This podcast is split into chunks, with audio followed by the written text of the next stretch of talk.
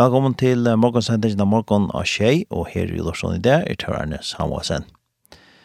Og det som vi får ha skrån i det, vi får at uh, høyre en, uh, ja, en fyrlester, et lett prat, eller tala, som uh, Ibrahim heier av en rastavne, som var vikskiftet 28. til 13. oktober, vi løvde i Høyvig, og det var Open Doors, som skiver i fyrlester rastavne. Og Her i beskriften var Vanda Miguel Trygg.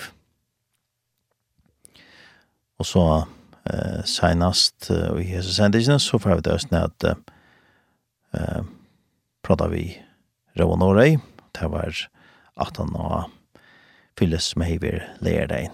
Her han tog seg syndrom og bandors og hva dødning det er at her var sånne rastevne her i følgen.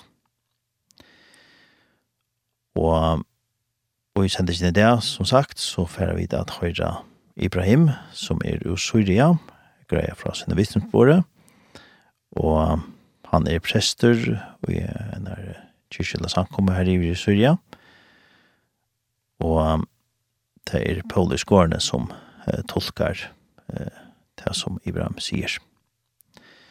Så vi ser enn at velkommen til sendingen morgen av Kjei.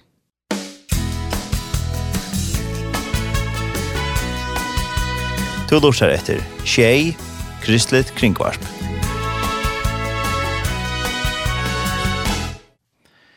Nå færer vi at uh, høyre fra rastevnene Tja Open Doors, som det heter utløvden i Høyvik, 28.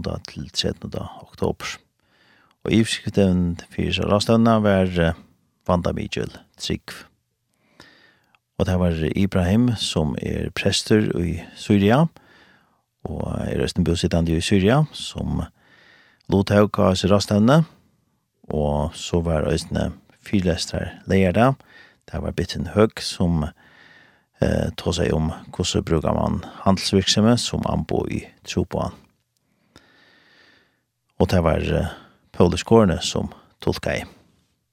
Så vi ferdig høyre ser opptøkna, og til Ibrahim ur Syria som greier fra Svinne Vittnesbordet, og i minst kostera liva som kristen i Syria. Og det er særlig det er som Open Doors regner at det varspall jausa og hvordan det er kristne være forfyllt kring heimen.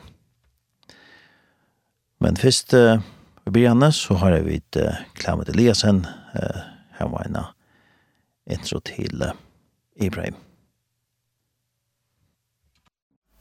Og det er det som endamålet er at kvar ikke ahua og omsorgan for akkurat brøren og systeren rundt om i heimen. og stålen kjatt ikke som ligger et blæ, hun godt takka vi heim, og her, her kunne lesa søver uh, om akkurat brøren og systeren, og innstående rundt om i heimen om, skrekande søver, men også opplittande søver om hos herren bjergar. Vi tar også nødt til å bøka på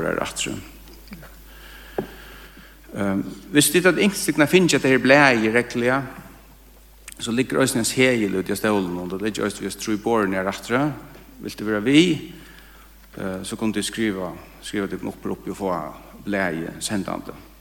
Ehm ända mal vi stävn är ösne at det er en trick på att vi det förr kunde vara vi, at, at vara öron utanför utenfor till til beta, folk som är trångt, har det ringt, som er förfyllt på sine trygg, uppmuntra och be för dem och hjälpa dem och hvis vi skulle göra en månader gott i förrjun som olika som eh, kibakon och en mat i kiba på att det är vi i open doors och för exempel ska upp som är en fast gevar som är den 17 parten av oss ner och erfaringen jag kan är att uh, hvis man atlas är så ska man ge det kväll vill att det geva kontant ofta som man tänker vi har hem så skoltan att det kommer långt att lära börja läsa ett vers. Ursur ur Johannes evangelinon. Jesus sier så høys, Johannes evangelion kapittel 15, heter bo mot at tid skulle elska hver annan.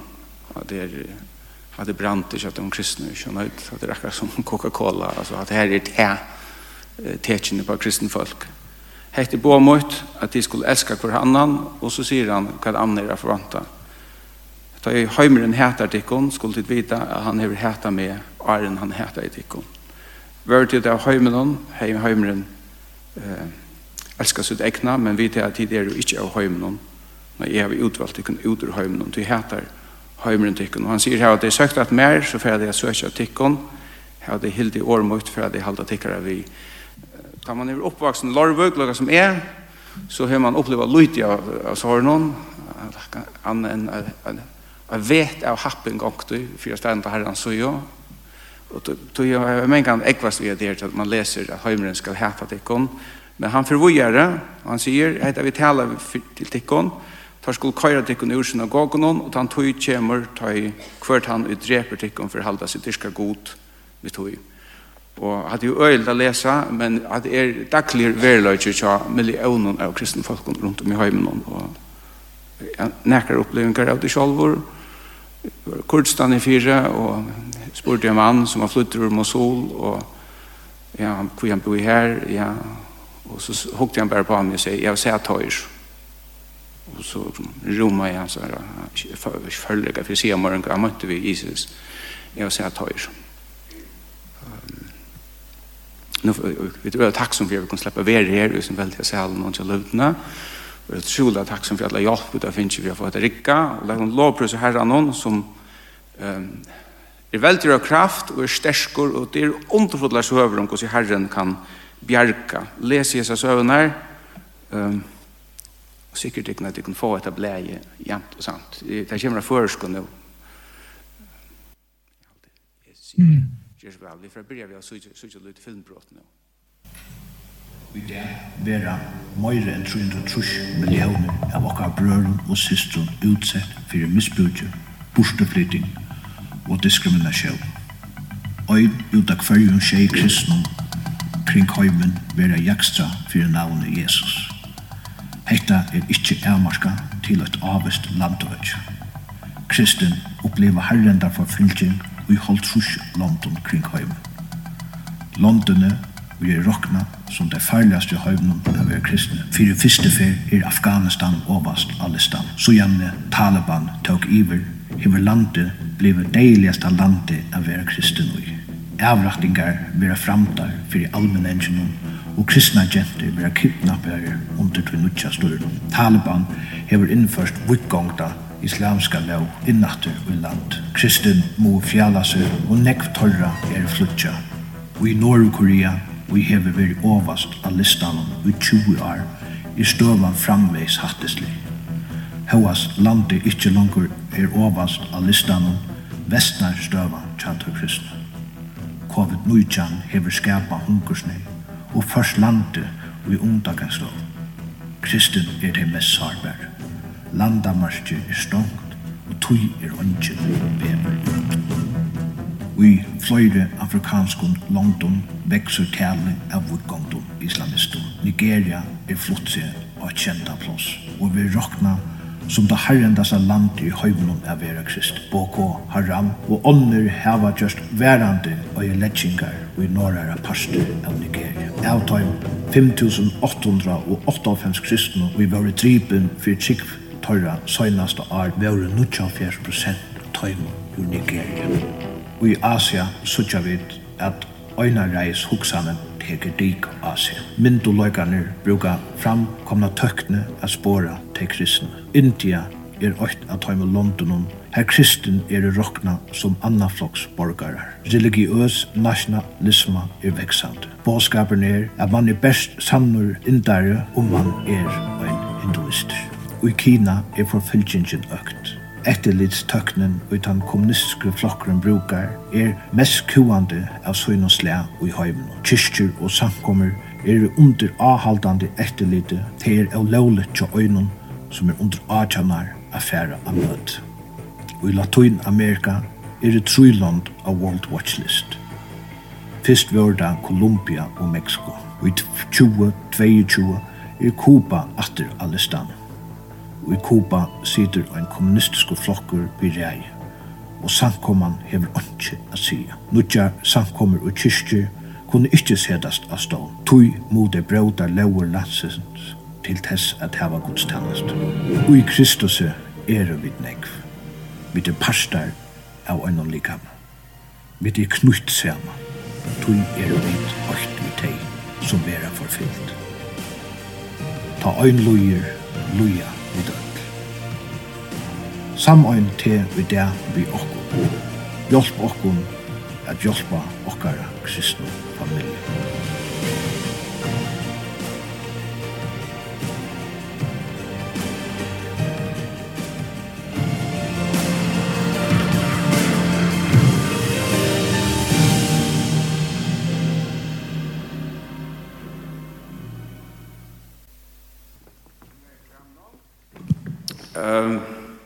Det er ikke bare et blæje man kan få.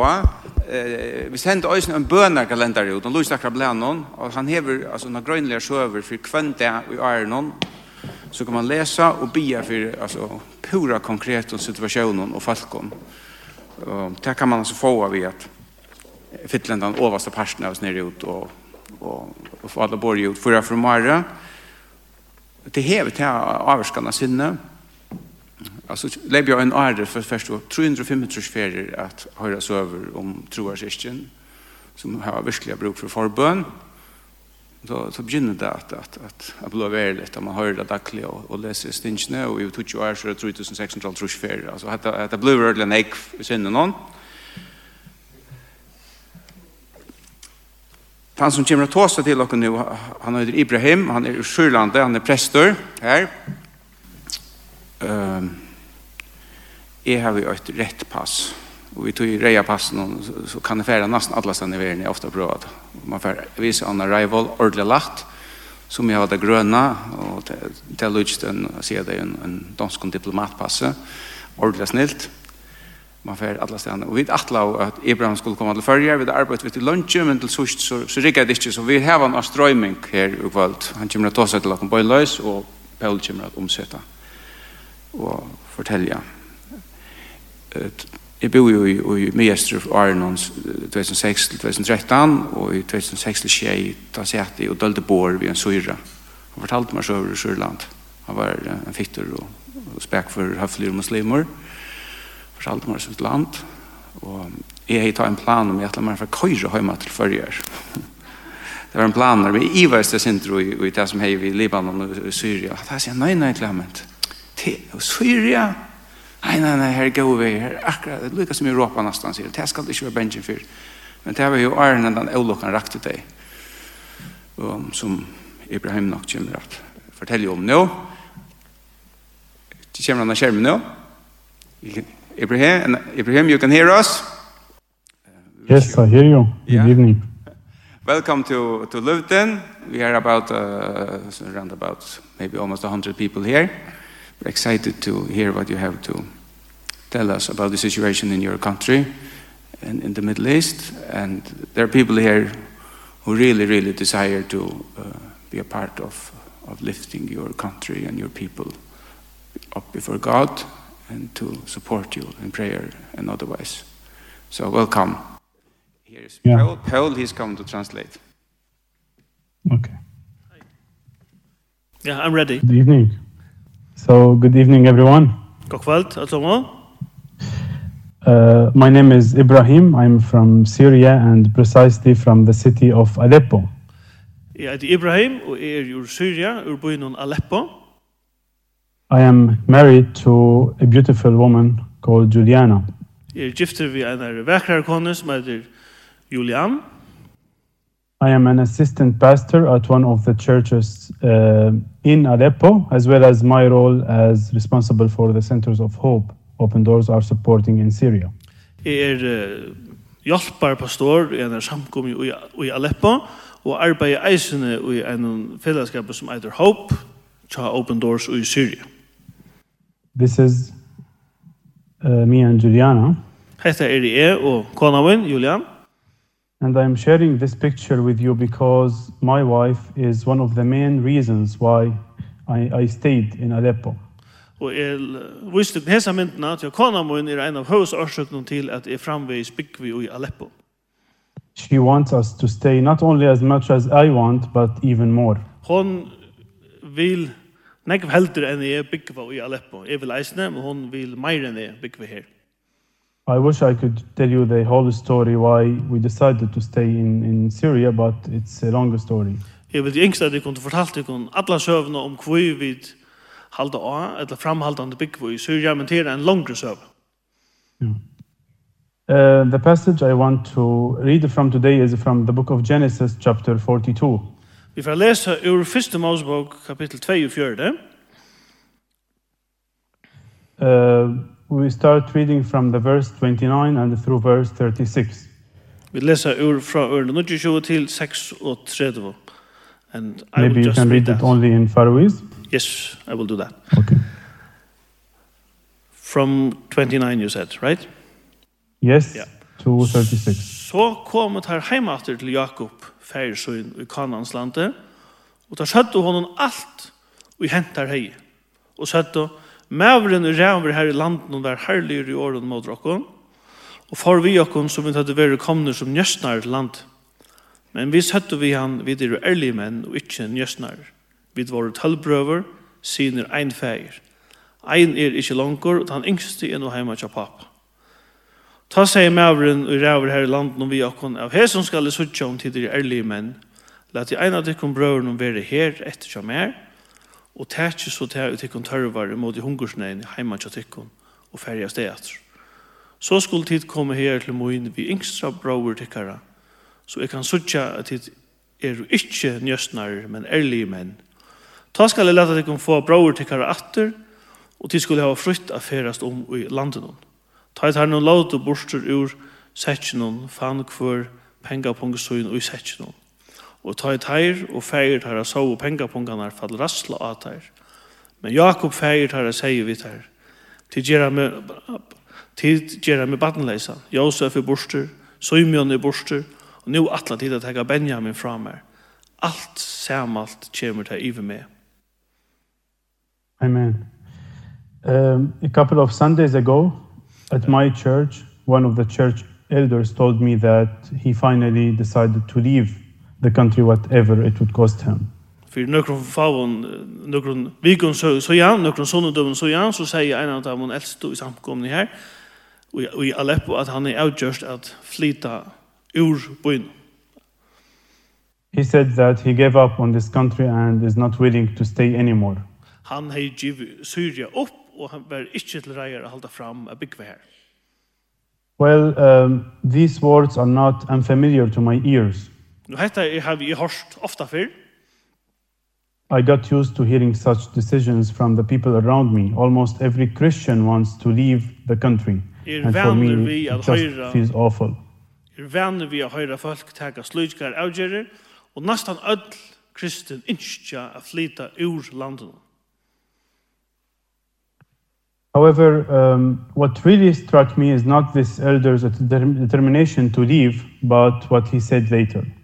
Men det som verilig slå meg var ikke til at han yngste at færa, men det som han sier at han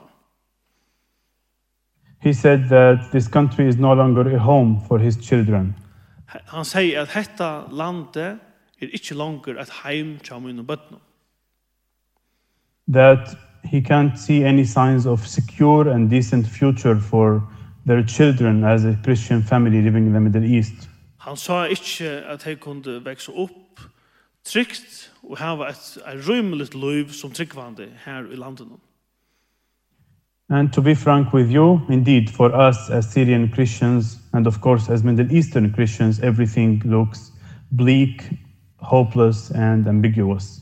Uh, og for å være ærligere så ser alt dæpost og vanløst og ørskimlande ut for dere changes are taking place here and there in the region. Det är färre fram imsa og i. And it always looks like it's happening against us as Christians. Og det er alltid gongur alltid okkun emot som kristen. We see more manifestations of Islamic fanaticism. Vi søkja oftar og oftar at islam, vår islamist, islamisme viser seg more terroristic threats and more economic crises. Uh, flere terrorhettaner og flere budskaper krepper. The Bible says that all things work together for good. Bibelen sier at alt samverskar til goa. And again, frankly speaking, we cannot perceive any good in what's happening. Og helt ærligt så sutja vi ikke godt ut som hender. We can't see any good in Taliban overrunning Afghanistan. Vi suðja anki gott ta i Taliban teker rei i Afghanistan. We can't see any good in hundreds of thousands of people from my country, Christians leaving the country. Vi suðja anki gott i ta i flere hundra tusen kristne, kristen ur minu lande nøyast at rymma. In this picture I'm going to share with you. Og henda mynden som jeg at lota vi tikkum.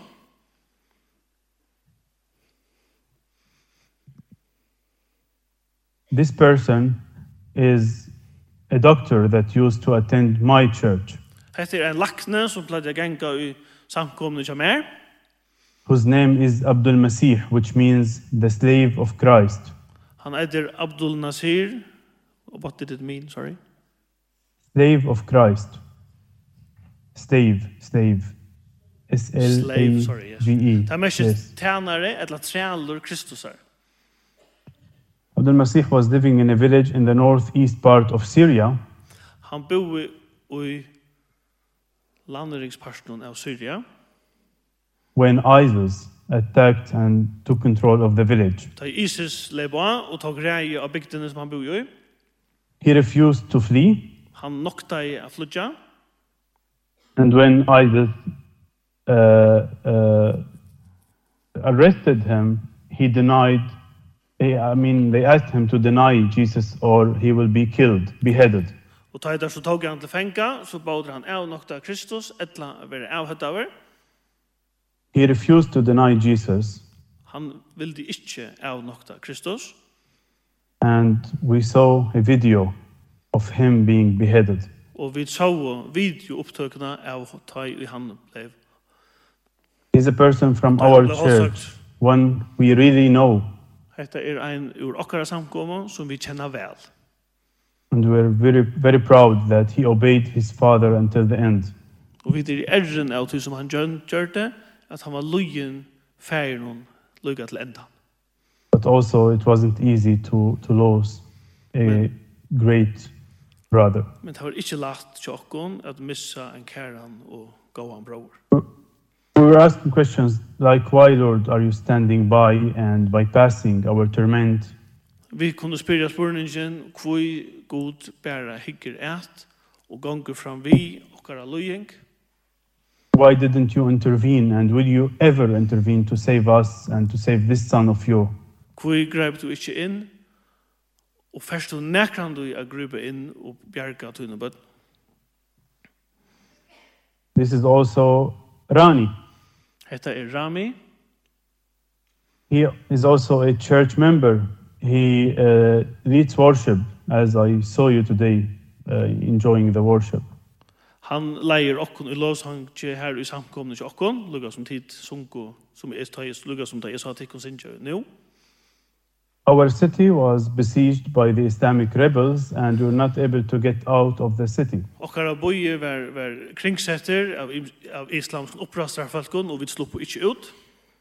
Rani tried to get out of the city and he was kidnapped by ISIS. Rami randi av flutja og han var dripen av ISIS. Because he is a Christian. Tui han var kristen. This happened on the 10th of April 2012. Hetta var 20. april i 12. We never heard about him since then. Vi da ikke hørt fra ham så igjen. We eagerly cried out to the Lord for his safety. Vi røpte til Herran om at han skulle være trygger. And we're still crying out for the Lord. Og vi ropa framvis av Herran. This is his family, this is his mother, still hetta, waiting for him. Hetta er familien John, mamma hans herre, som framvis boja etter. This is another person. Heter en annan en annan person. A church member also. A Limer is What was his name, sorry? Abdul. Abdul. Limer is samkomne. Yes. So the father of of Apo is a church member. Apo. Papi hans er Limer is samkomne. Is also kidnapped. Han er eisen, han er borteflotter. Apo doesn't really remember his father, as he was a baby when his father was kidnapped. Apo minnist ikkje pappa sønn, til han var, en, var baby, til han ble borteflotter. Can you hear me? Yeah, yeah, I can hear you. Okay. So also Apo is praying every day for his father to be back. Og han ber kvendt om at pappa hans skal komme atter. But We never heard of him also. Men vi har ikke hørt neka fra honom. In the passage we read, we see how Jacob received the news of his son Benjamin being kept by the Lord of Egypt. Og i bråten vid lausu, så lausu vid om ta Jakob ferbøyen om at Benjamin ikkje kommer atter, men er hilden atter av tog som ræver i Egyptaland. And the condition set for releasing Simeon is to risk another son, Benjamin. Og treitene fyrir at Simeon vil leislaten er at han vågar løyvi til einan av øren av sinnen Benjamin. And we all know the deep affection that Jacob had for his youngest Benjamin. Og vi vita hvordan høgt Jakob elskade den yngsta sonen Benjamin. And after the sacks were emptied, and we all know the plot Joseph ordered his men to do, Og så tar jeg, tar jeg seksjene våre tømter, og tar, tar finne det som er røy. To put back the bundles of money in his brother's sacks. Tar det kort pengene og i at seksjene. So after the sacks were emptied, og tar seksjene våre tømter, and the money bundles were found, og pengene våre funnet, Jacob would have surely expected that Simeon's fate is uncertain. Så var det tydelig til Jakob at at uh, lagnan til Simeon var, var avgjørt. He would have thought that the Lord of Egypt would not send Simeon back alive, as this dreaded man would consider stealing the money as an outrageous and foolish act against him. Han er heilt hugsa her at leiaren i Egyptalandet fyrir ikkje at senda Simeon livandi atter, ta i han helter at vi har stjåle pengene. And as a result of that, og som urslit av tøy, Jacob tragically shouted these words. Så råpar han hettar hese årene, You have bereaved me of my children. To tidsi bøttene fram, to gjerst med badleisan. Joseph is no more. Joseph er borster. Simeon is no more and Simeon you will take Benjamin. Borster, og nu attlar dit att ta Benjamin framar. Jacob became a bereaved father. Han gjordes en pappa som hei mist. He's not only admitting the death of, of Joseph, but he's also declaring the death penalty on Simeon. Han ikkje bæra vi kjenner til at Josef er deir, men eisene Simeon er deir. We see in this uh, same chapter that Jacob refused to send Benjamin in order to get Simeon back. Og i samme kapittel leser vi at Jakob noktar å senda Benjamin av sted for å få Simeon at. As if he was content with the idea of losing another thing. Som om han var nøgter vi å missa ein av træet. Okay. And here Jacob reaches the culmination of his lamenting words by saying these words. All these things are happening against me. Og for jeg tenker sammen, tar Jakob tenker sammen om, så sier han, alt sammen, alt kommer da iver med. Everything is against me. Alt gonger meg imot. I believe as Syrian Christians that we are now in the very part of the story where Jacob is. Og vi som kristen er og i samme sted i søvende som Jakob er. The same lament Jacob expressed is adopted by us nowadays. All these things are happening against us. Samme, samme, samme sorgarsonker som Jakob hever, alt samme alt, kommer til iver med. Ev Everything is happening against Rani's mother hope to have her son back. Alt gonger umoter vånene til mamma Rami om å få sonen atter. Everything is happening so as to Christians would be kicked out of this region. Allt som händer ger at kristen vera tvätt ut ur oss landet I think of dozens of Assyriac villages from where Abdul Masih was in the northeast of Syria. Jag husker om flera bygder her norr i Syria which are completely evacuated of Christians now. Her som ungen kristen är etter nu. Those people who used to live there for thousands of years left once and for all. De som har de som har bo her i flere tusen år er det færden einafer for alle, for onga de har kommet. In less than a decade. Once again, sorry. In less than a decade, in less than 10 years. Og i iver en tøyarskei som er minni enn tøyar. I think of my city, Aleppo. Jeg husker om min egna boi, Aleppo. When the Islamic rebels were hitting us with the huge shellings. Ta i oppressafelsene skot og raketter inn i brokken. When we used to wake up in the morning to hear of loved ones who died the previous night because of those shellings. Ta i vid vakna om morgenen og hørte om okkara kæro som var deg, jøgnon nottina, orsaka av alloppnå we do see a bleak picture. So er det en døper mynd vi sutja. And so did Jacob at this very specific time of the story. Lukka som Jakob akkurat i hesar løtten og i hesar søvne. But you know what? I'll tell you something crazy. Men vi det kvært når du når du fortæller at du kunne gå utroligt. I actually miss ISIS being close to our home. Jeg sakner eisne ISIS at være tatt vi tjokken? I miss having a sniper hitting my street as he used to do. Jeg sakne sniskyttan som la og lurte etter okken. You know why? Vet det kvui? Because at that time we were in intimate relationship with God. Du ta var vi. We had no electricity at all. Ta var vi allar nærmast herran. Vi hadde ikke elektrisitet. For eight months I did not have electricity at my own home. I åtta månader hade jag ångan ström i min egna hemma. We had no work. Vi hade inte arbete. And we were terrified. Och vi var rastlösliga. All this resulted in us praying more. Sorry, once again, sorry. All these things resulted in us praying more.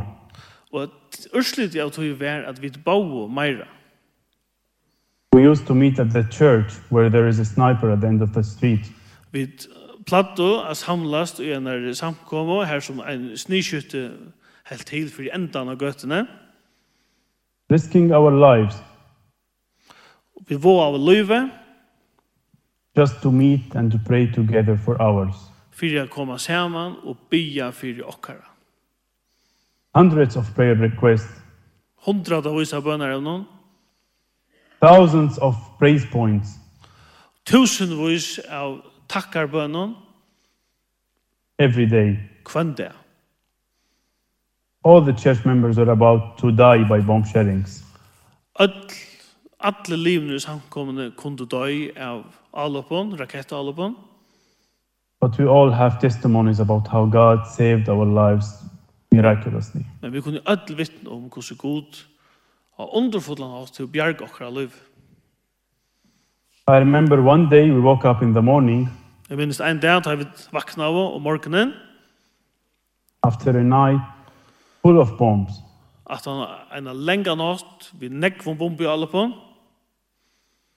We learned in the morning that one of our church elders' sons was grossly injured because of the bomb shelling. Og vi har då at sonen til en av de eldste var kommet ytla til skeia av alopnon. Immediately the whole church Beina veien så får öll samkomman. Despite the fact that it was a day full of, of uh, shellings. Sjalt om hetta var en dag við vi nekvun bombi alopon. And snipers are there. Og sniskytten. We all gathered at the church to pray particularly for this child. Så samlaus vid ödle samkomna att be för här som. He was almost dead. Han var nästan död. Lost almost all his guts and a huge part of his kidney. Og han er mist nästan öll gögnene och stora parten av nyran. Yet we prayed, we want you to intervene, Lord. Men vi boa, Herre, grub inn. A group of us went to the hospital and made a circle around the bed and prayed. En bølger av okkon fór á sjúkrúsi og gjørði en ring om sangina og bæ. And what happened then? Og hva hendte? The Lord healed this guy. Og gut grødd han. This is him here. He's alive. Heter han? I will show you his picture. Skal vi se, det kom inte now next. We can't see the picture right now. Yes.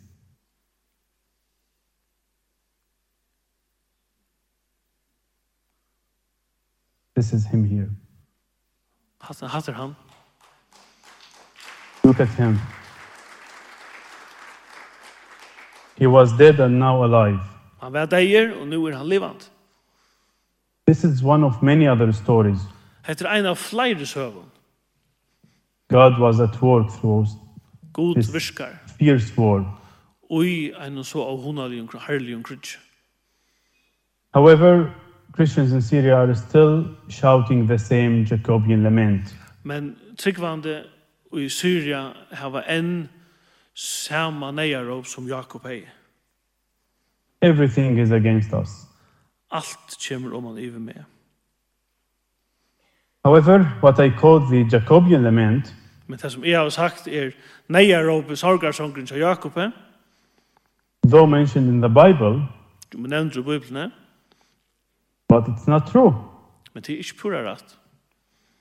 Joseph is no more, Simeon is no more, everything is against me. None of these claims is true. Anki av det som han sier passar. Josef er borster, Simeon er borster, det passar ikke. I would like us to examine this lament closely. Vi får hitja etter det som sorgar sannsjonen og neia råpnen. Joseph is no more. This is what Jacob said. Joseph er borster, det sier Jakob. Passa det? Did Jacob see Joseph dying with his naked eyes? Så Jakob Josef dodja vi sin egne eion? No, he didn't. No, that han ikke. And I am sure that deep down Jacob believed that Joseph was not dead. Jeg halte at innast inne så tror jeg at Josef var ikke deg. But he just had to succumb to what he heard from his sons. Men han var han hei givet sig iver til det som han hei hørst sinene fortelle. The truth is that Joseph was not dead. Sannleggen var at Josef var ikke deg. And not only that, he was one of the most powerful people in the whole region. Ikke bare til men han var en av dem mektigaste mannen ui økjenen. He was the instrument God had been using to bless the, the whole family of Jacob. Han var et ambo som Gud hei brukt til å signa alla familjene til Jakob. Simeon is no more. Simeon er borster. Simeon, who was also considered dead by Jacob, was not in any danger. Simeon, som Jakob råkna i fyrdejan, var slett ikke i nøkromanta. He was rather in the safest place in the whole world. Han var herastromoter ut i tryggasta stenen og i ötlund heimen. He was at his brother's place. Han var ikke abadjasøyden. Not only that, while Jacob and his sons were barely eating, Simeon was enjoying the food and living in abundance at these Ikke bare til ham, men tar nå ytla hadde nok at etta, så hei sumjan om ikke at etta, tja badja sunn. Everything is against me. For Jacob, this was the end of the story. Alt saman kommer iver meg, og for Jakob så var dette enden av søvne. A bereaved father who lost two sons and is about to lose the third en sorgarbunden pape som, er, som roknar vi at han har mist tvarsiner og er ufer vi har missa at han sier. A currently hopeless father who is destined to more hopelessness in the future. En vogn, en pape vi ångar vogn som ångar vogn ser helter i framtiden. But as we know the rest of the story, men vi kjenner resten av søvne, we can figure out that Jacob was completely mistaken Og Jakob tog størlige feil. What we would discover later from the story is that what happened was not against Jacob, but rather for the sake of Jacob. Og det som vi sutja i søvn er at han arbeidde ikke imot Jakob, men alt arbeidde fire. Joseph will, uh, will admit that in chapter 45. Joseph jottar til han i kapitel 45 he would say that everything happened happened uh, to keep a remnant for the family of Jacob. Han säger att allt det som hände hände för att varveta familjen av Jakob. Jacob, it's not true that everything is against you. Det är det passar inte att allt arbetar emot det här. The truth is that everything is for you. Sannleggen er at han arbeider fire til. You are the blessed one in the story. Tu erst han som er signaver i hesar søvn, Jakob. And everything had been designed by me, the Lord, for your sake. Og alt har vi er Herren gjørst for tøyna skuld. I can't help but see but to see the similarities between what's happening now and what had happened in the life of Jacob. Jeg sykje storans sammanheng i middelen det som hender nå og det som hender i løyven til Jakob. And this is very reassuring to me personally to remember that God is doing everything for our sake, the people of God. Og det er, det er besittjande for meg å vite at, at, at, at det som hender hender mer til gåa. That our lament is as wrong as Jacob's. At okkara sorgarsongur og nejarop er lukka skaiver som tanja Jakobe. I want to ask you a question. For Forspyrja til kun en spurning. Do you know who is the most effective evangelist in the 20th century? Vita dit hver er den mest effektive evangelisteren i 20. alt? You would say Billy Graham. Tid sier kanskje Billy Graham. You might say Reinhard Bonke. Eller Reinhard Akkurst. But for me the most effective evangelist in the 20th century is a nice brother of ours. Men for meg så er den mest effektive evangelisten i 20 eld en kære bror som er. And this brother is Osama bin Laden. Hesen broren er Osama bin Laden. Maybe at the time we were not able to understand why God was allowing those Islamic rebels to attack us. Kanska skilja við skiltu við ikki ta hví Gud lovði islamiskum uppreisramunum at leipa á okkum. To kill people like Abdul Masih. At drepa folk sum við sáu í Jane. We were as blind as Jacob was. Vit voru lukka blind som Jakob var. We later found out the reason. Sættene så lærte vi hva årsøkjen var. After what happened in Syria, After det som hendte i Syria, the image of Islam and the God of Islam has been distorted. Så er mynden av Islam og godrun av Islam, tan mynden er øylagt. The Islamic faith has faced a huge exposure. Og tryggven er avduka. Which resulted in many, many people, Muslim people, deciding to leave Islam. Og urslitet var at nekv, helt nekv, valgte å fære fra Osama bin Laden. Orsaka av Osama bin Laden. And many people like him. Og de som er lykkes med han. Many people are coming to us now to ask us about the true God. Og negv koma til okkara a spyrja om tan sanna god. The devil thought that he is conquering us, the people of God. Djevelen helt at han kunde sigra okkon, Guds fölkje. He wanted to kill us and to kill the message of the gospel. Han yngste at drepa okkon og at drepa båskapen som evangeliet er. However, what happened is just as happened on the cross. Men det som hände är det samma som hände av krossen. When Jesus rose from the dead and shocked the devil. Och ta Jesus res upp från dem och og, och och klacka i eller chockera i djävulen. Everything is not against us. Everything is for us. Tack. Gonger vi tjokkun, ikkje, vi måte. The number of people I will show you picture now. Nu får jag visa dig en mynd av några falkon. Can you see the picture? Yes, we see it. Yeah. The number of Muslims who came to the Lord in Syria since ISIS rose is massive. Tali av tryggvande, tali av falkon som er kommet til trygg, at han av ISIS kom til Syria, er størst. Last year we had three baptism ceremonies for people from Muslim background in Syria. Fjør hadde vi tre møter, her vi hadde dåp, av folk som var kommet til trygg ur Islam. Hundreds of people were baptized. Flere hundra ble døpt. Look at this picture. I was there. Jeg var her. Hikk etter myndene it's for a baptism ceremonies for people from Muslim background. All these people are from Muslim background. Att er møte er som vi har dåp av folk som har muslimska bakgrund, öll häsi har muslimska bakgrund. All those people challenge their families. all häsi er uthyrst av sina familie And are at the risk of death to follow Jesus. og de vågar löve för att fylja herran. I will show you now a video for them after being baptized. Så visste du en video av Taimon aftan at de er døpt. They are dancing a dance of joy.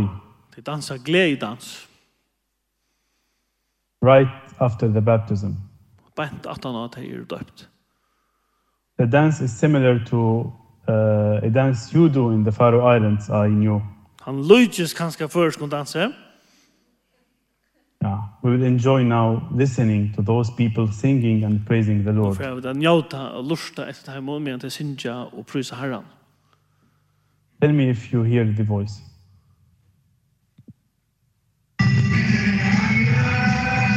Can you hear the voice? Yes, we can hear it.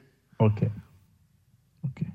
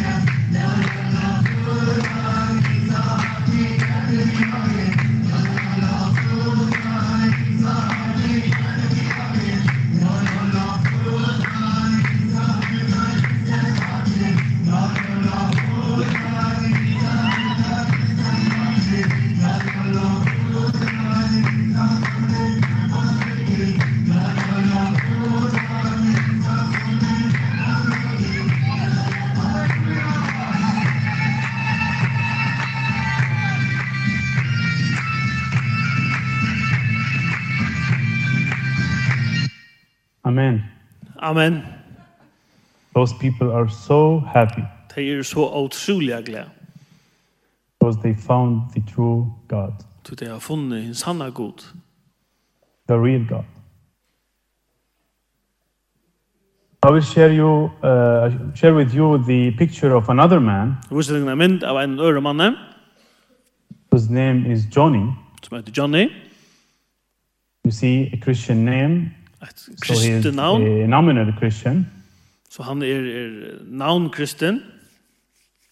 He wasn't a believer. Han var ikke tryggvande. So Johnny who used to live in Aleppo was struggling financially. Johnny som bo i platt som förr bo i Aleppo han struggles för Jalia. Sorry. Sorry. Go ahead. Because of that he had to move to another city orsak av tog, som var han nødt til å flytta til en annan boi og finne et arbeid. He went to another city where there are no Christians at all. Han får til en annan boi her som ikke kristen var. And you know, he's a nominal Christian with oh. no spiritual life. Som navn kristen, vi ångon andalig livet. So he wasn't really willing to go to that place. He hates Muslim people. So han hei ikkje ordentlig hoa færa til han hata muslimar. But the surprise was when this person arrived to this new area. Men ta han kom til hetta nutja stæje. He was shocked to learn that in this area there is actually a church. So blev han klakker da han hørte at her er faktisk en samkomma. A church in a Muslim city? En samkomma i en muslimsk by. So out of curiosity, Johnny joined, joined this church. So av forvittne så får han ut här samkomna. He was the only person from a Christian background to attend that church. Han var den einaste vi kristnare bakgrund som gikk her. He was mind he was mind blown to learn that all those people were not born as Christians. Han var sjelkaver til han hørte at ungen av dem var føtter kristen. But, but they decided to believe in Jesus. Men at han hadde valgt at trykva Jesus. He decided to come to the Lord. Han avgjørte å komme til Herren. To come to the true God. Å komme til hin sanna god. And what he wanted to do is that he wanted to be baptized by those Muslim people, og by a Muslim pastor. Det er lært at seg døypa av taimon her i samkomnet at hu muslimska pastoren. It was the first time that a Christian being baptized by a Muslim pastor. Det var første fyrir at en kristen var døpt av en muslimsk pastor. I think this is the the uh, future of the church in Syria i halte hettar i framtøyen til samkomne i Syria. Believers from Muslim background bringing Christians to the Lord. Tryggvande, vi muslimskare bakgrund som leia kristen til Herren. Wow. Of course, you think this is very easy? Det er ganske til lat, But this would not have happened without sacrifices. Men hetta hei ikkje bore til utan offer. This is, this is Amrudin. I call her the great evangelist. Heter Amrodin. Jeg kallar henne for den store evangelisteren. She is from a Muslim background. Hon hever muslimska background. She shared the good news with thousands of families all over her life. Hon fortalte glädjebojene fyrir tusenvis av familjon som hon hette i Jökna But she suffered a lot. Men hon hever lienekv. She was forsaken and threatened by her family. Familjan høtti hana og vrekka hana. She wasn't even allowed by the village imam to be buried in the village cemetery. Hon slapp ikkje at vera griven i kyrkjegæren i bygdene, av, av imamen hon her. Even though this woman died five years ago. Sjalt om hon døye for fem år siden, but I still meet people who tell me that they first heard the message of the gospel from Umrudin. Så møter jeg framvis folk som sier at det først for det hørte evangeliet var fra henne. This believer from Muslim background did not win everything. Hesten tryggvande, vi muslimskare background, what did you say she, she did not? Everything. Hun miste alt. But She won hundreds of people to Christ. Men hon vann hundradavis av falske fyrir herra. We had a Christmas celebration for people from Muslim background. Vi hatt då ett jólahald fyrir falske vi, vi uh, muslimskare background, sørste jól. The number of people who joined was 550 people. Og her var det 500 og halvtrus som tog ut. Another and last point is this. Det sista jeg har vi oppe hjertet er When God allowed what happened to, to happen with Joseph God loved to som hendte ved Joseph He allowed this to happen so Joseph can be a means of a blessing for his family. Så lät han det hända så att Josef kunde vara en sikning för sina familjer. Likewise. Och samma host. I learned that God allowed what happened to happen in Syria. So har vi lært at Gud lovde det som er hent i Syria. So we could be a means of a blessing so to the family of Christians. Kunne være til sikning for de kristne familiene. This picture is for a Christian Syrian guy named, named uh, Elias. Hetta er ein mynd av ein kristnun syrara som heter Elias. Who was eh en military recruit som hade meldt sig til herren. He was forced to go to the military. Han var han nöddes att i herren. And was sent to the most difficult areas and into the most horrible battlefields. Han var sendt ut de mest torføre økene og tar rævligaste vivadlene. At one of these battles, og i at av timen bardøvnen, he lost his leg and they had to cut it. Så miste han beinet og der måtte takke det. He was frustrated and hopeless. Han var frustrerad og vanleiser. No one to help him in such a messy country. Og han er i ångan å hjelpe seg i en så avskipa av en land. No insurance to treat him. Ångan trygging. He had been engaged at the time, but after his leg uh, being amputated. Han var trolov over ta, men ta han miste beinet. His life has stepped into a dark tunnel. Så er livet believe blivet dæport. But praise the Lord. Men, men prøys herren. Because of your support and of, of the support of many people. Orsaker, og tikkara stole, og stole fra nekvon øron. We managed to change the life of Elias. Så har vi, har vi, har vi lukkast a brøyta livet til Elias. Elias. What we did is that we supported Elias with a prosthetic leg. Vi fick hjälpt honom att få ett kunstigt bein.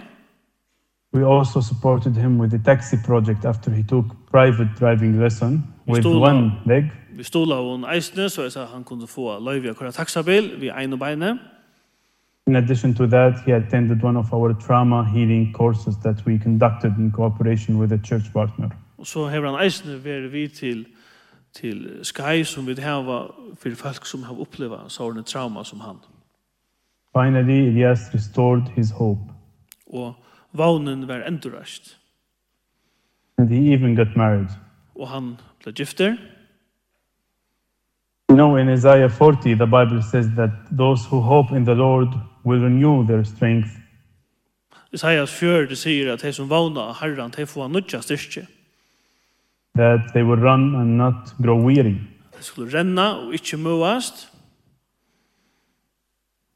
This is Elias running now, full of joy. Elias, men han renner, fotler av glei. Praise the Lord. Vi prys herran. Look at him how he smiles. Jeg etter honom hvordan han smilest. Brothers and sisters. Brothers og systrar. We always fail to see the big picture. Vi doa ikkje a sutja ta stauru myndina. To understand how God is, is working in the history. Etla skilja hvordan god arbeider i søvne. But God is at work. Men god arbeider virkar.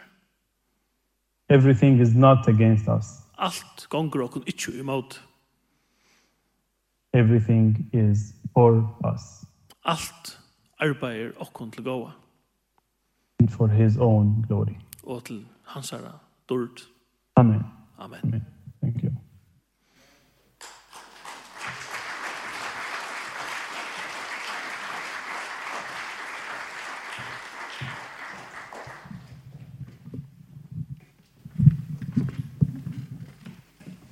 Abraham, thank you. You have really touched our hearts with a powerful message and and we we would have loved to have you here with us tonight. Mm. I, I'm sure you would have got many hugs. And yeah. hope you will come another time. And we are really, really grateful that you would do this on screen with us. And we will have you in our hearts and your country and your people, our brothers and sisters. Thank mm. you. We are going to continue with our, our praise now and, and finish off for tonight. Um, så, så har jeg nekka sier vi vi tikkene til. Nå har vi til seg mindre kvöld.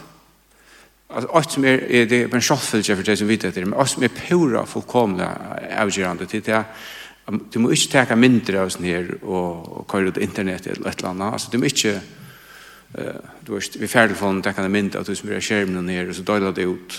Uh, så ferdel til gongo, det kan ha katastrofale konsekvenser. Så hvis du da tids nekka mynd, så fjernene på ene veien. Jeg var kurdstande for jeg var ikke øynast av andres mynd av folkene som er tryggvand. Det kommer komme i øyla større enn vant, ok? Det er øyla viktig. Han fortalte meg så prosjekten her, øyla konkret, på en måte små ting, ikke alle større ting som skulle til, for totalt brøyta løyve ikke akkurat brøyre og søsteren. Altså, vil du være vi? Alltså Open Doors Sverige måste i för lätt om det är en miljon till hästprojekten här. Vi har snöt någon. Och en miljon hon röker öjligen längt här till så som att det är bojen och taxabilar och och sådana för semmaskiner och då säger till böntor, amintliga ting. Jag hjälper dem att komma fyra sig efter så vill det vara vi man, man kan köra inte lätt och kvalt her her her er det dårst bussar attri og och så box men det som är näck viktigare till att blå pastor och sån fast. Altså at få skriva seg opp og få akra blæ og og och, och sövnar og och bönarevne og få et her innan ett hjärtstan dagliga og så kan skojsen skriva seg opp til regliga at geva ta i, ta i herren nämra akra hjärtstan nu för att det syns inte aktor herren nattor Uh, og de hører det synes så hardt, så minnes jeg søvner om de som bruser herren i Iran og sånn støv, de teska ut kjattlæren, det er det synes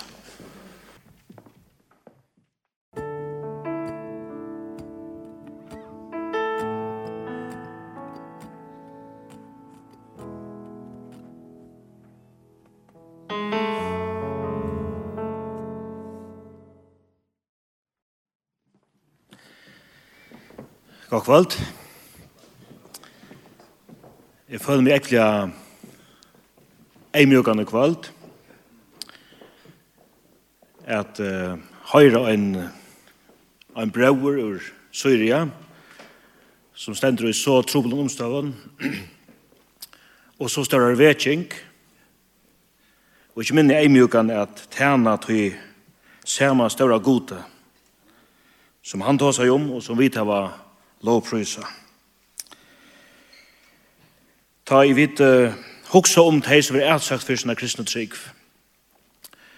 Så er det her lukka som tøvnen til anden i akkurat biblia. Det er ikke noe avvanligt for de første kristne. Og jeg hoksa om tvei vers i kvalt, at enda vi, og jeg skal ikke langt nek om møte. Hebreerbrevet 13, 3 minnest til torra som fengar ero, som vore tid samfengar torra.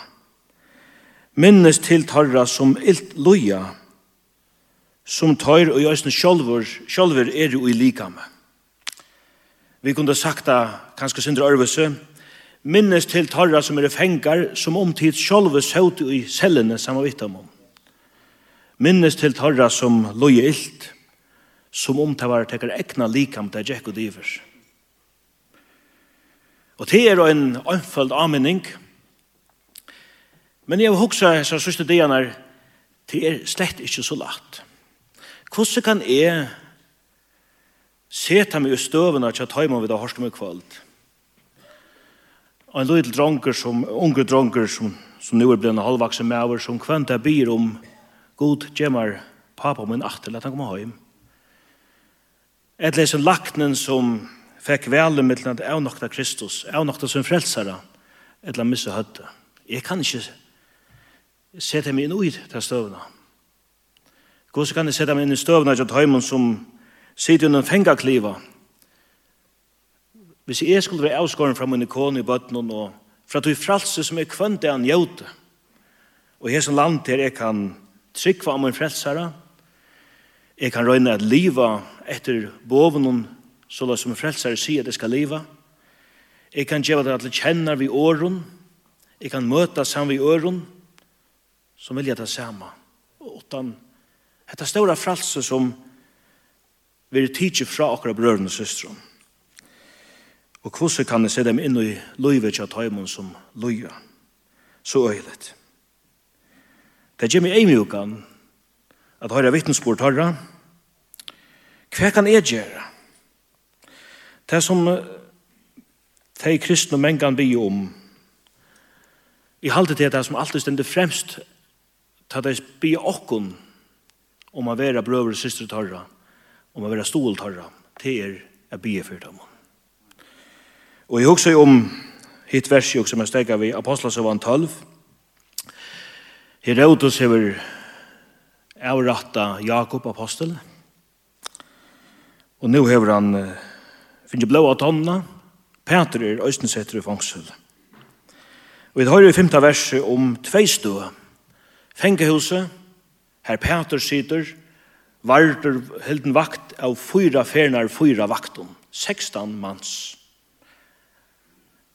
Sjerje hans er fralse, halte hon og nyrre, kua han, køva han, og kanskje at han lagten som øyre bor i hånden til er at få som lagten som Jakob. Så har jeg det et annet sted at jeg bia for henne. Åttan uihalt. Vakt vær ta helten iver Petri og i fengehusen hon, men bøn vær bien til gods åttan uihalt, uihalt av kyrkjelinjen fyrir hånden. Tvei stå, annet sted her skjer jeg vidt fratser til Petri, men det er som at en tilsverande innsatser åttan uihalt er en øren steg her der kristne kommer sammen. Brøver og systrar Petrus vi bia åttan uihalt. Det er liksom et match, og i middelen kjoanene, og så forbønene. Og det her okkara loter er som kristen og i okkara fralsa landet. Jeg bia for dem, åttan uihalt. Då vi bia til den samme god som Ibrahim tåsa seg om, den samme god som heier styra støvende som Jakob, patriarskren, helt at alt ilt kommer om han i med. Det er den samme gode vi tjener, det er den samme, det er samme Jesus, den samme Jesus vi trygg var. Den veldige god som vi synger om, og det er så lagt at synger om han er til åkken. Og så er det så fantastisk å høre vittnesbordene fra Tøymon som midt i roeløyga, sorg, frustrasjonen, øyligere møtstøv som vi ikke kunne umynda okken oppleva her er god aller nærmeste. ta vid er i aller langst nyrre. Til han tann god vid bia til. Let okken nå at enda bia fyrir okra brøren og systrum ute i høyme og eisne bia fyrir okkur er vit må vi rett til røyer og bera okkara kross her vid er let okken bia. Vi takkar der gau Jesus fyrir, fyrst fyrir hetta kvöld, fyrir hendan vittnesbord við hørte, fyrir løtna saman om tutt navn. Vi takkar der fyrir hetta hus, er vi kunne være her, og bia til om tunna ruik og sykning over teg som her virka, at du må styrkja teg og djeva teg alt teg, om tarvar til at bera at han gleda båskapen om te Jesus Kristus frelsar okkara. Så bia vi et fyrir okkon, her i fyrjon. Vi okkara parti av heimen, Herre Jesus, at du måst vetja okkon opp. Jeg vet også må være en, en bønarrørsla som Open Doors ikke er være. Jeg vil bia, jeg vil lytte okkara brøver og søstre ut i heimen framfor i tida. Minn okkon av er at minnas tiltorra som loja for tøytna hans skuld. Ikkje gløyma, men hevda vi okkon som om vi søt i cellene, samvittamon, lie samvittamon. Signet til Open Doors som fellesskap, øysene den danske fellesskapen og den føreska, den føreska og nøystavna av nevndina, gjev okon vysdom og nægavur og alt okon tørvar fra tønnen heila vanda. Og gav Jesus, så ber vi fyrt heimen som loja. Hver skulle vi byrja? Det er bare fløyre, fløyre tale som loja til at hei trykva til, til tåra brottsversk, til trykva til vilja liva som bøttøyne og fylgjetøyne fødasporen. Herre, styrk teg, som vil ha punt, likamlige, kua, salarlige, de som må betala den ultimativa prysen, bøttene, kvinnerne, mennene, de unge og de gamle, kristne løyerne, og det vanlige, om man så kan säga, kristna som vilja fylgja til etter. Herre Jesus måste styrke deg, hjelpe dem at halda ut, og sin hjálpa dem at tåra er vera vittne fyrir til. Tåra at tå som til, gjør dem vist dem til til, og sin til som er jo ekvelige trobelen omstøvun. Herre Jesus. Vi legger Syria framfor til, mi ester, takk at jeg fyrir tunne vittne her, Øysen her er to. Her er aller troblast. Afghanistan, Nordkorea, Somalia, Nigeria, Philips Øtjar, Atlastans Herre Jesus, Pakistan. Vi lytter bøttene framfor til. Takk at der fire, øysen her er to. Og vi lett jokken og resten av den kvalitet og fellesskapen attana og i tunna størske hender. Takk for at du, Jesus, døye for synder okkara, bær kross okkara, bær byrar okkara, neldet dere krossen, og røs opp og vann okkara, livande vevn. Takk, Jesus, at du lever, i tunna navnet. Amen. Og så aller sørst, det er sagt klare for i hette Hetta brevet, et leie, Open Doors, av føreskånd sjåvande, Hjertelig velkomna få det, få det kunne ha en vi. Lese søvner og her. Og som det også var nevnt før i kveld, at bønner ble er vi i kvarjon bleie, da kommer fyra frem året, for gjennom bønner enn til kvende. Open Doors er ikke minst en bønnerørsla.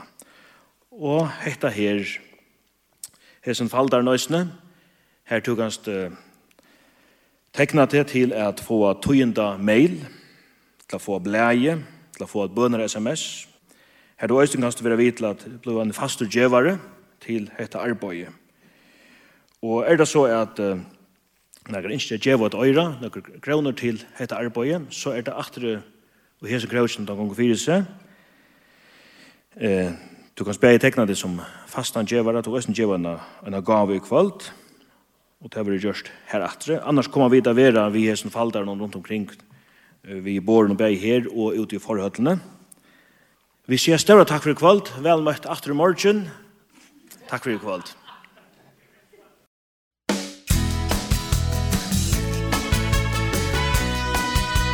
Du lortar etter Tjei, Kristelig Kringvarp.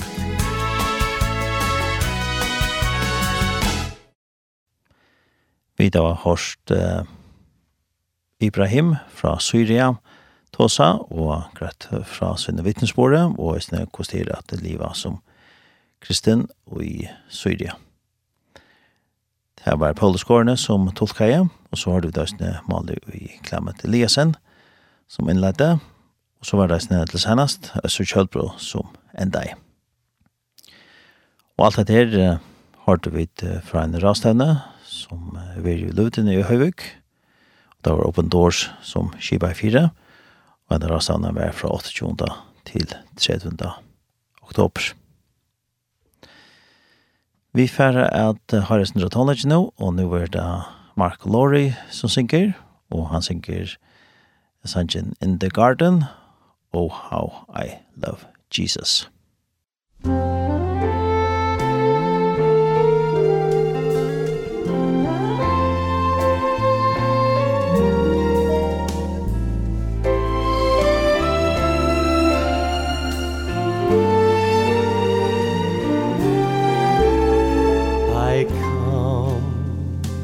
the garden alone. While the dew is still on the roses And the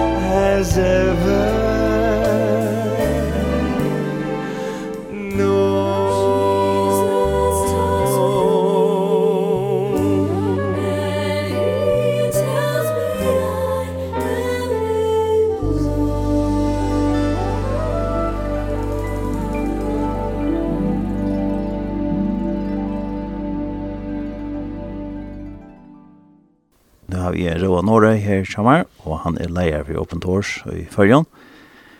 Hvordan vil Gintje vi i rasten her til? To, uh, vi har haft en gode rastene. Uh, vi tatt denne avbjørnger vi uh, vi Ibrahim, til han fikk ikke innfæra løyve, Vi sørste løte høyastan han at han gjør. Uh, men uh, vi gav om kreften, mitt annet her, så finke vi til å drikka, og det rikka er utrolig vel, må jeg si, og Paulus Gården, han gjør det største arbeid i omsetta, og ångsvekna ble påskaperen livande på en annan måte, selv om det var størskudje.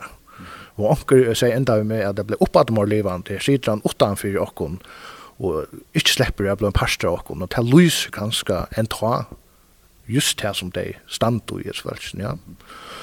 Og, og, og så hadde vi et låt oss nu, og det var låsankren attana, Ibrahim i Tåsa, det var så størst alt det, ta, vi fører Sundja, Sundja Waymaker, ja, Miracle Door, at han alt det som han vittna i om, og jeg vet ikke, det er nærværen inni i luftene er bare sérstøk på nå. Og nå i morgen så har vi et hørst fra Bitten Høg, som jeg vil tro på er i 22 år i Kina. Her hun tåsa i om handelsvirksomhet tja sær i Kina, og gos og god har brukt evangelisering i djøkna til virksomhet. Her teg har nått ut til stø, her er unga det kunne nått ut, på grunn av at det at handelsvirksomhet. Og hon blei så nek art ut i områden, at sjálf uh, borgarstjørn ut i områden, provinsløyeren og isene, uh, vardi henne, og hon fikk politiløyerne a verja seg i øysene tui er at hun sjau hva hun gjør det fyre nær hun kvarv. Mitt landa viste hun akos, hun lærte det seg seg an hamsmalen. Og jøgnen til brukte jo uh, evangeliseringen av isen, ja. Og hatt jeg lærer okkon at vi må, vi må virka holistisk i uh, rujtjegods, at vi, vi uh, huksa ikke bare sunne det, eller vi må ikke hugsa manna det og, og som jeg visste av oss nu morgon, het her vi at god til tvær henter. Færgerne tror jeg ikke, færgerne, god færgerne sånn holde antena, her som sonen holde antene sender ut, her holde antene kanskje symbolisere her til, til, til, til, Men så er det da man sender sender live, va? Ja livand. Eh uh, här håller anten det andaliga eh andaliga virksomhet og her Jesus kommer og blir inkarneret over, altså han, han kommer middel noen, han arbeider tjener middel noen. Og, og i halte bytten, hun kom øle nekk og flott inn hans tingene, hvordan heset, hvordan god man øye okkara uh, handla, handla virksomhet ut og, og hvordan vi skulle bruka det til uh, hans her er. Det er kanskje onker som uh, lustar som kanskje ikke vet hva er Open doors, hva er det for noe, hva er det som de ikke at få fram til dem som til det her skibafen rastøvden som er der? Ja, det som mitt eh, kastar sjålan til Ljøsa, det er uh, støvna til forfyllte samkomne, og alt det som vi tar gjørst er i travet det, og det er for nummer 8, at tåsa torra søk, og tog hevane slukka rastøvne, og det var helst den sørste som vi kom i hava. Det er for å få føringen av vakna, førsku kyrkjene, samkomna, at først og fremst er vi den bønarørsla. Og det er jævlig områden for åkken at uh, vise. Og tog tager vi ikke nægget til dømes fire, at blei og bønar blei vel sendt ut. Og tog jeg vi vilja at skulle kunne være vi oss ned. Og også de som ikke kanskje øye oss ned, særlig kanskje unge oss ned. Ja. Og, og, og så sjåvande så ikke jeg vet øye at åpne opp for at hvordan kunne førskar uh, virksomheter, uh, hvordan kunne teg uh, være vi øyne og i hessen her uh, prinsippen her som vi da tåsa om og i det. Og jeg vet at her er anker veri inne til jeg er øyla kvøkt, egen er åpna, jeg har anker tåsa anker nu at anna, her egen er åpna fire nøkker nudjon, og i handelsvirksomheten her er det suttja nøkker nudjon, nudjon møløyker og og som jeg sier bitten hon kommer vi må se det mer folk sa där. Det er kanskje ikke snakk som vi tås om. Jeg vet ikke hvordan snack för det vi tås om. Akkurat det som parsten. pasten. Tror jag det en sånn omrand parsten hvordan vi drar ut. Og så sjå han det så har vi haft Ibrahim her han kommer vi livande søvn. Og i rocket da vi har sån uh, sådant ut av, uh, av tjeja Og, og lust fær lusta. Lusta etter hva at nästan det är nästan överligt her han sier at snyskytten så la i endan av venon styrste mot bønarløyf. Og onkers vekkene takka han god fire snyskytten.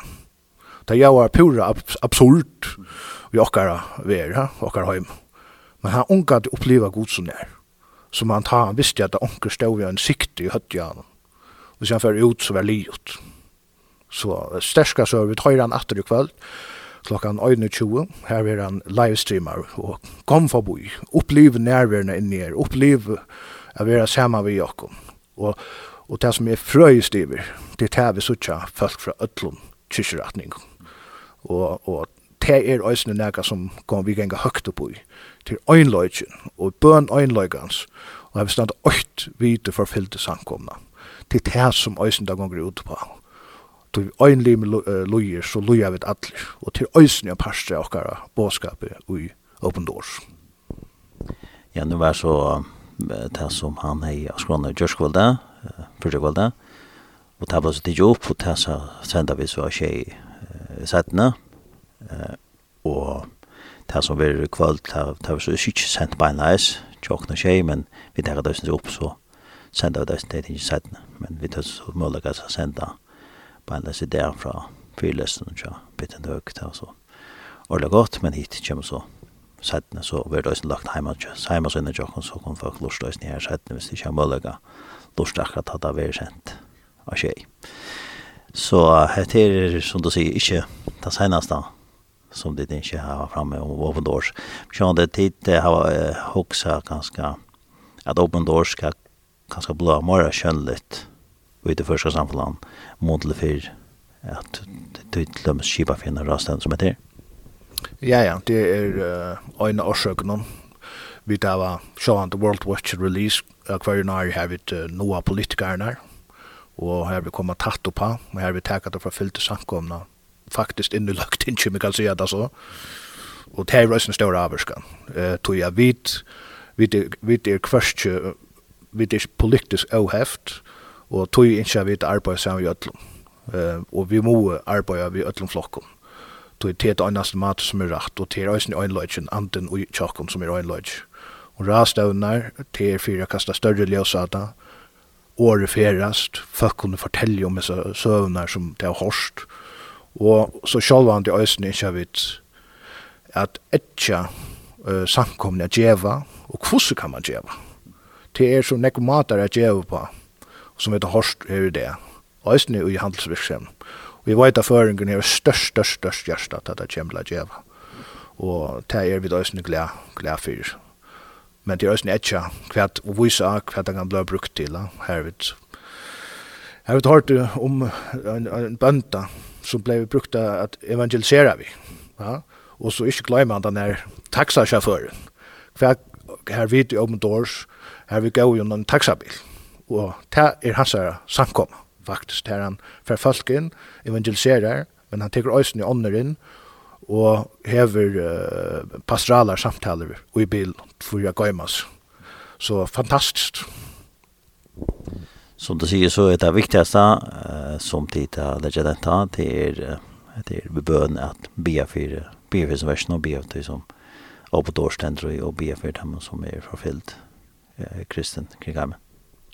Ja, det er okkara fyrsta mal og togin skjavet østene, vi tava luften hon giv okkur fantastiska karmar, og falski luften genger her og tæner okkur og det rører mot hjersta østene, at luften gjer det, takk fyrir det, og det er jo østene samverka folk til okkur man kan et år partner, partner samkom, eller partner kyrkja, og det er østene nega som vi ikke at kan skal veksa om, og te fyrst og fremst at bæra kom vi i bøn, kom, kom og halkes samkomna til a bia. Og helt nere i bøttene, at bøttene i Østen kunne uh, være i bøn. Det er, det er alltid områdant. Og vi til følgen, vi tar versla bruk for det, hadde jeg også råkst. Og samtidig med av versla bruk for at høyre om hos uh, sverste er av kristen kring heimen. Uh, at her er havet, som nevnt, og her er så vi kunne samlas da, kan gjøre det, og ta en om ungdomsår och läser ur Bibeln och mötas och bya och allt det där. Ja. Men är det sånn så är det så slett ikke nevnt og en stor trobla, ja? Ja, ja, det er... Man skal seta, altså, det er områdende å seta tingene perspektiv. Og det er det som vi er kallat til, og det er en større parstre av oss uh, okkar virksemi. Og tog brukar vi et orske at djeva et lea ut, vi fyrir og hava fyrlestar samkommun, og kyrstjon, uh, og fortälja sövna tja Tøymon. Og til öliga områdande er vi gör det og til en stor parstre att vi så vi gör det.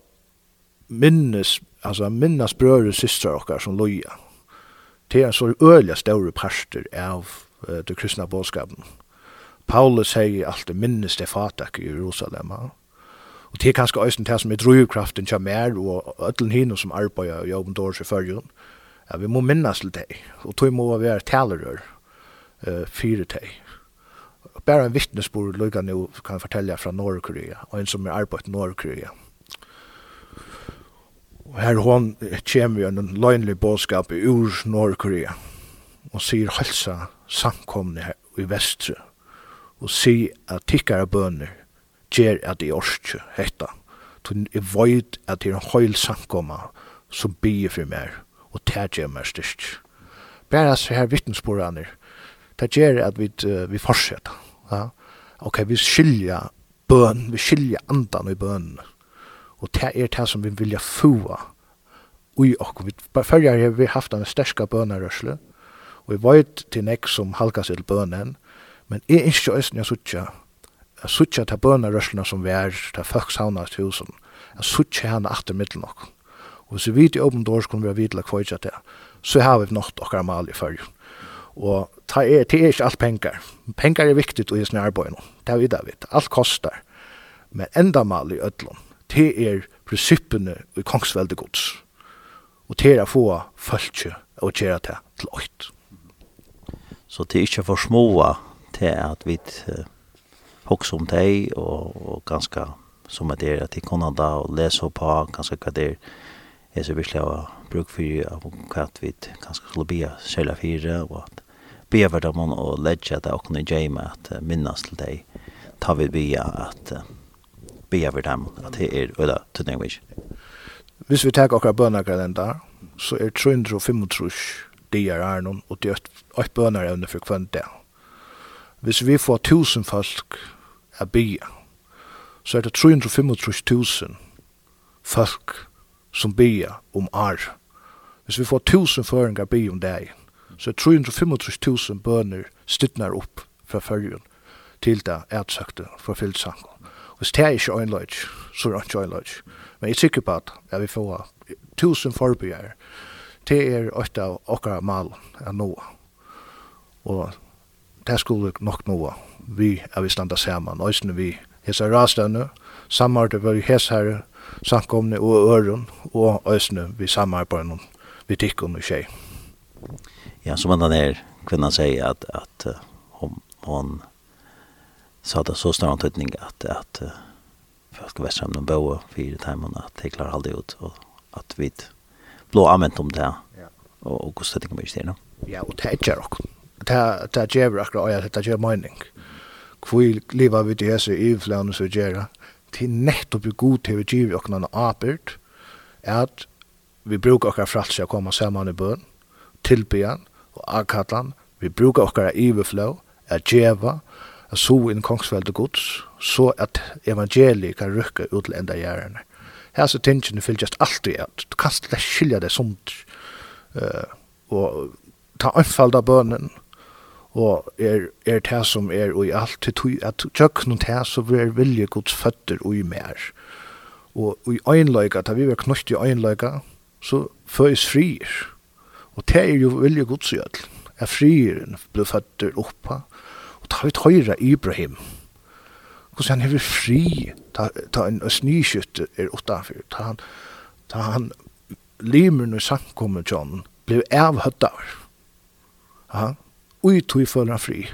Selv om han spyr god, nekva større spørninger. Hvor er færre kjøkken etter, hva gjørs du, hvor løyver du hesen? Men han lykker vel inn i djuper frier. Ja det det är färdigt. Det är färdigt att skilja. Alltså alltså det det är nästan inte grupp.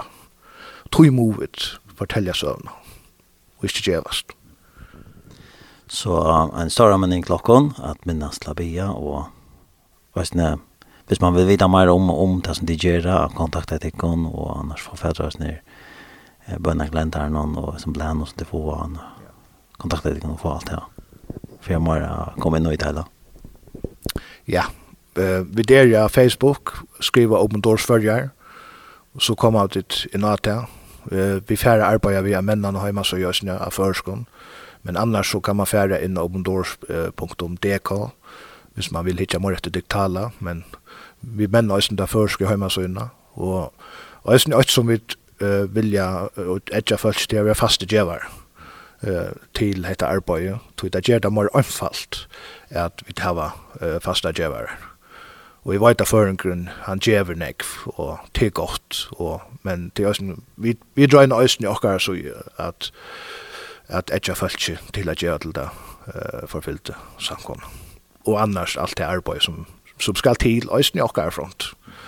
Då at, hvis man sier at det er ikke utkjeps, så blægildøms, det kostar 100 til 200 000 kroner om året vi halt folk är öliga glada för det och det var öliga kjält hvis vi måste täcka oss honom för att få mer pengar ut. Så att det är viktigt ösne, det är två så ett arbete. Här ute det viktigaste och så är det ösne det arbete som man gör i landet någon här. Här man som kräver nek. Det det gör det. Och det är alltid öll folk vid och skilja.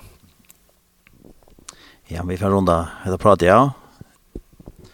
Så tack för det, Norre. Tack för pratet. Ja, men sjálfur takk tørren.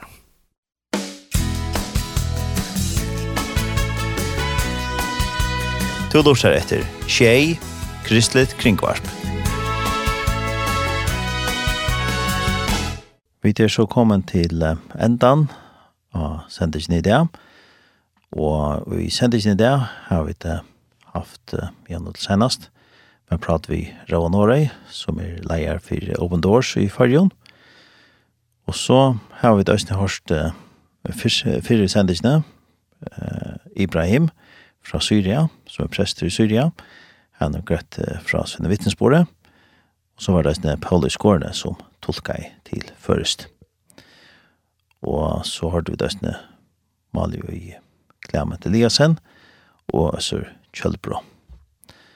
Og hette vært alt fra en rastevne som hever vært i Løvden i Høyvig, 28. til 13. oktober, og det var Open Doors som skiva i fire rastevne. Og ivskriften var Vanda Mitchell Trygg.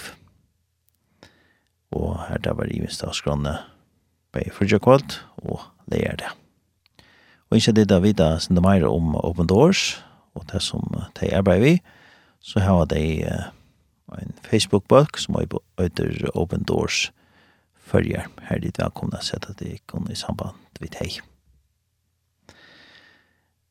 Jeg får takke for meg. Tar en soundsend hver jordagsrønn i det. Og hendet sendet ikke rendersendt i kvöld klokka 6 og i natt klokka 5. Og så var det nøysen lagt til heimasynet i tjokken, tjei.fo.